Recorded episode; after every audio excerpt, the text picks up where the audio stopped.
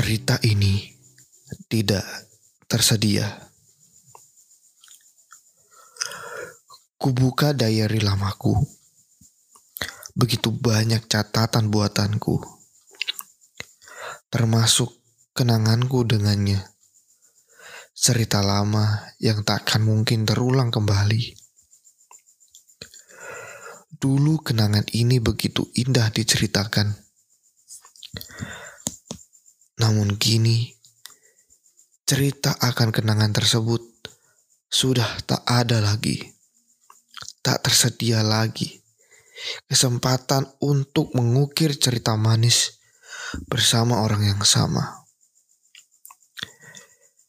Dia sudah hidup dengan jalannya masing-masing dan bahagia.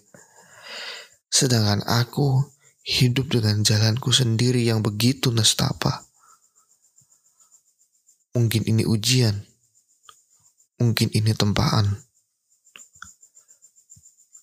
Mencari orang baru itu tak mudah. Apalagi mampu menggores tinta cerita-cerita indah seperti dulu kala.